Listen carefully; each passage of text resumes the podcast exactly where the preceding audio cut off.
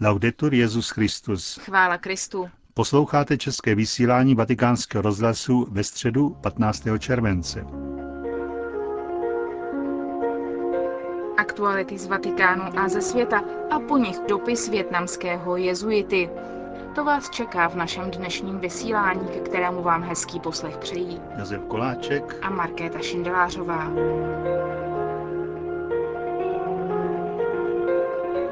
Zprávy vatikánského rozhlasu. Řím. Církev dnes slaví liturgickou památku svatého Bonaventury. Ten je patronem města Bagnoregio, které navštíví Benedikt 6. září. Ten den také zavítá do Viterba, jehož patronkou je svatá Růžena. Historie Viterba je z historií církve úzce spojená. Bylo tu zvoleno pět papežů, čtyři jsou zde pohřbeni a celkem padesát jich ho navštívilo. Návštěva Benedikta XVI. zde bude především setkáním s obyvateli, říká biskup Viterba Monsignor Lorenzo Chiarinelli, poté co v pondělí zasedala rada města, aby jednala o přípravách návštěvy svatého otce. Benedikt XVI. přijede na hřiště a hned na to se odebere do paláce papežů, odkud pozdraví obyvatele. Potom bude ve Vale Fol předsedat eucharistické bohoslužbě a polední modlitbě Anděl Páně. Odpoledne svatý otec navštíví místní katedrálu a poutní kostel Pany Marie Skverča, kde se bude modlit spolu s tamními mniškami. Potom se přesune do Baňo Regia, kde uctí jedinou relikvii svatého Bonaventury a na náměstí promluví k věřícím. Hovoří biskup Viterba Monsignor Lorenzo Chiarinelli. Chtěl bych, aby byly hlavní dvě věci. Za prvé, je tu pastýř, který nás přichází utvrdit ve víře, vzbudit v srdcích všech potřebu a radost z víry. Víra je především pro mladé generace silou, která ukazuje cíl, k němuž směřujeme a pomáhá nám zamilovat si ho. A za druhé, je tu společnost poněkud rozdrobená, velmi různorodá, na poli kultury, náboženské zkušenosti, ekonomie i politiky. Mým přáním je, aby smysl jednoty převážil nad těmito rozdíly a aby naše společnost skutečně stála na pilířích svoboda, pravda, láska a spravedlnost. Věřím, že návštěva svatého Otce, jeho poselství a modlitba budou darem, který budeme chránit a že nám přinese plody. Říká biskup Viterba Monsignor Lorenzo Chiarinelli. Vatikán. Poprvé v historii nabízejí Vatikánská muzea zájemcům noční prohlídku. Návštěvníci tak budou mít jedinečnou příležitost vidět západ slunce nad svatopetrskou bazilikou z oken galerie map nebo navštívit Rafaelovi sály a Sixtinskou kapli v nočním tichu. Muzea se mimořádně otevřou večer v pátek 24. července od 19 hodin. Vstup bude možný do půl desáté a v 23 hodin večerní prohlídka končí. Vstup je nutný předem zarezervovat na internetových stránkách vatikánských muzeí. Olomouc. V sobotu zemřel v nemocnici ve Štemberku pater Josef Olejník. Narodil se v roce 1914 ve Strání Květná, studoval na arcibiskupském gymnáziu v Kroměříži a na teologické fakultě v Olomouci. V roce 1938 byl vysvěcen na kněze. Po kaplanské službě ve Vsetíně odešel do Říma, kde studoval na Papežském institutu posvátné hudby. Sloužil devět měsíců v československé armádě v Anglii. Po návratu do vlasti byl vicesuperiorem semináře a lektorem teologické fakulty v Olomouci a zároveň kaplanem u svatého Michala. Působil také ve farnostech Andělská hora, Dětřichovice a Rudná. Českou mši z Andělské hory složil roku 1966. Od roku 1968 působil na Cílometodějské bohoslovecké fakultě v Olomouci a v Litoměřicích až do roku 1975, kdy mu byl odňat státní souhlas. Roku 1990 se stal docentem na Cílometodějské teologické fakultě v Olomouci v oboru liturgického zpěvu a vypomáhal ve Moravičany. Od roku 1973 až dosud vedl smíšený chrámový sbor ve Velké Bystřici. Až do své smrti se věnoval zudebňování liturgických textů a byl vyhledávaným duchovním vůdcem a spovědníkem. Rozloučení se zesnulým proběhne při mši svaté tuto sobotu v 10 hodin v Olomoucké katedrále svatého Václava a v 15.30 při mši svaté v kostele povýšení svatého kříže ve Strání, kde bude uložen do kněžského hrobu. Konec zpráv.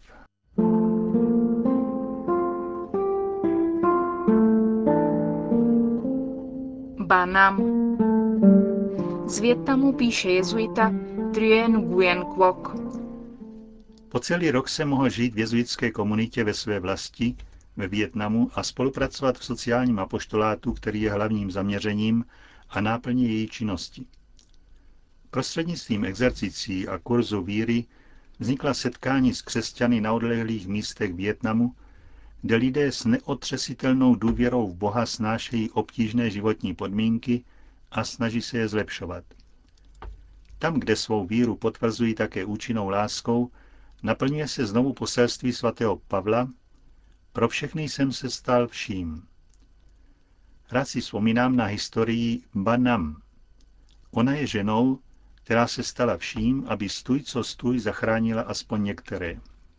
Banam je zkomulenina jména Bernardeta a znamená v místním nářečí babička Nam. Tak totiž nazývá 40 dětí 72-letou sestru z kongregace svatého Pavla. Má drobnou postavu, je jako úzké políčko v krajině. Navzdory tomu je dost silná, aby byla babičkou pro tyhle děti. Mluví jen tiše a má zdravotní potíže, žaludeční bolesti, snad následky velmi tvrdé práce na rýžovištích.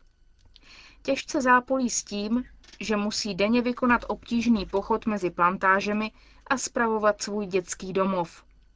Právě to jí získává u jejich chovanců a chovanek neomezenou autoritu. V současné době nemá žádnou spolusestru, která by jí pomáhala.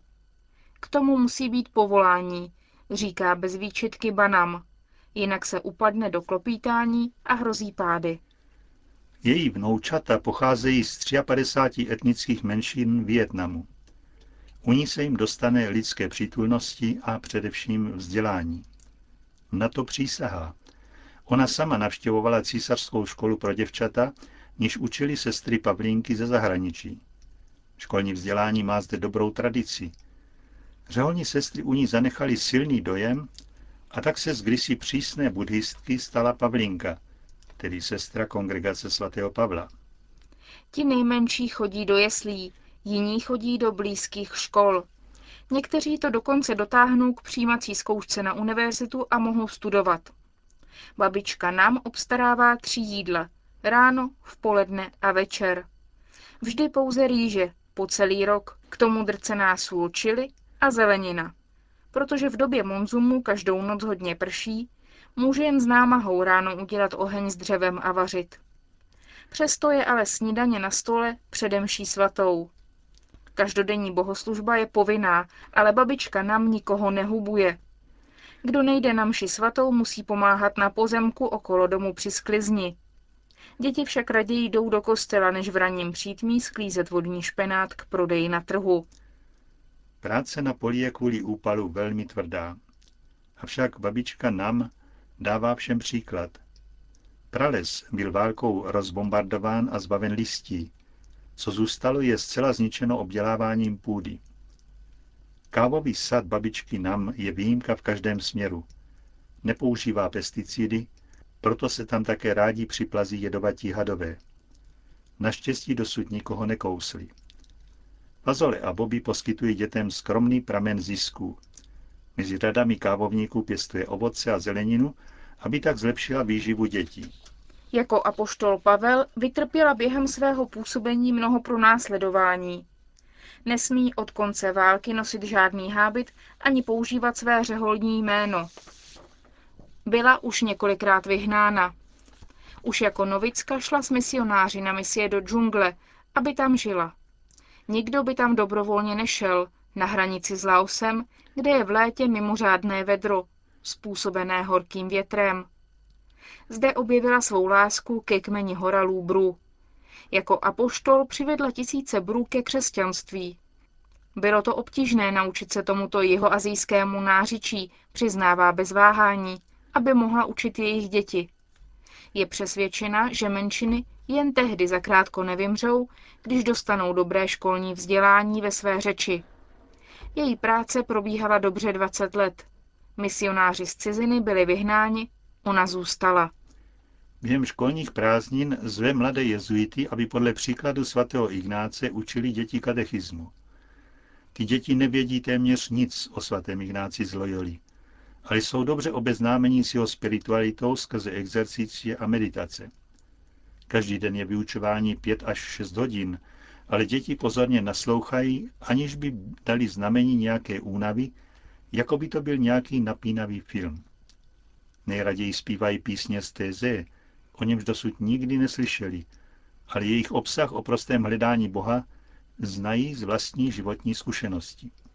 Historie babičky Nam je pro mě viditelné znamení, že dokázala vnést odkaz a poštola Pavla do naší doby svou nezjištnou prací pro druhé. I když mnoho necestuje, je jako Pavel opravdu katolickým člověkem, neboť mi potvrzuje, že církev objímá celý svět. Víra v Krista jí dodává sílu, aby překonávala kulturní zábrany, aniž by se utopila v nějaké jednotné, konformní kultuře. Později jsem si jasně uvědomil, že hnací silou jejího konání je Nyní trvá víra, naděje a láska, ale největší z nich je láska. A podepsán je Trujen Nguyen Kwok z Tovaristva Ježíšova. Po skriptu na ukázku píše úryvek z jedné své katecheze pro děti kmene Bru. Jednoho dne se procházel Abba Gerazim podél řeky Jordánu. Když tu proti němu šel, či spíše kulhal mohutný lev s královskou hřívou. Měl totiž v tlapě zapichnutý trn a už hodně podebranou ránu. Když ho poustevník spatřil, sedl si k němu a vzal jeho nemocnou tlapu, vytáhl trn a rozloučil se s ním. Lev ho ale už neopustil a lehával u jeho poustevny a chodíval s ním kamkoliv se hnul. Když Gerazim zemřel, lev si lehl na jeho hrob a po chvíli zařval a náhle zdechl. Tento kvítek vypráví byzantský mních a spisovatel Jan Mosko, který zemřel v Římě v roce 619, a to ve svém rozkošném díle s titulem Práto, český Louka. Mám ještě v živé paměti, jak jsem při jedné své pouti do svaté země navštívil řecko-pravoslavný klášter svatého Gerazima. Je to osamělá pevnost u řeky Jordánu, kde kdysi, jak to potvrzuje prorok Jeremiáš, žili také lvy. Lekce tohoto mnicha, který mimo jiné, jak se traduje, žil během celé postní doby pouze z Eucharistie, jde daleko za svůj bájný vzhled. My totiž nejsme už schopni žít v souladu nejen se stvořením, nýbrž především s tím, koho považujeme za nepřítele. Ten, který infikuje našeho protivníka, nám způsobuje příjemné potěšení, protože tak se ho zbavíme. Zdá se nám příliš utopistická ona výzva Krista, abychom prokazovali dobro i tomu, kdo nám přeje či působí zlo. A tak ztrácíme příležitost znovu najít vnitřní klid a dokonce objevit nečekaného přítele. A právě proto Izajáš opěvoval mesiášskou dobu jako čas, němž se vlk i beránek, tele i lev, kráva i medvědice budou spolu pást a dítě si bude hrát se změmi. Je na nás, zda přeměníme lvy, neboli brutální osoby, onoho ohočeného dravce, kterého Gerazim choval u sebe celý život.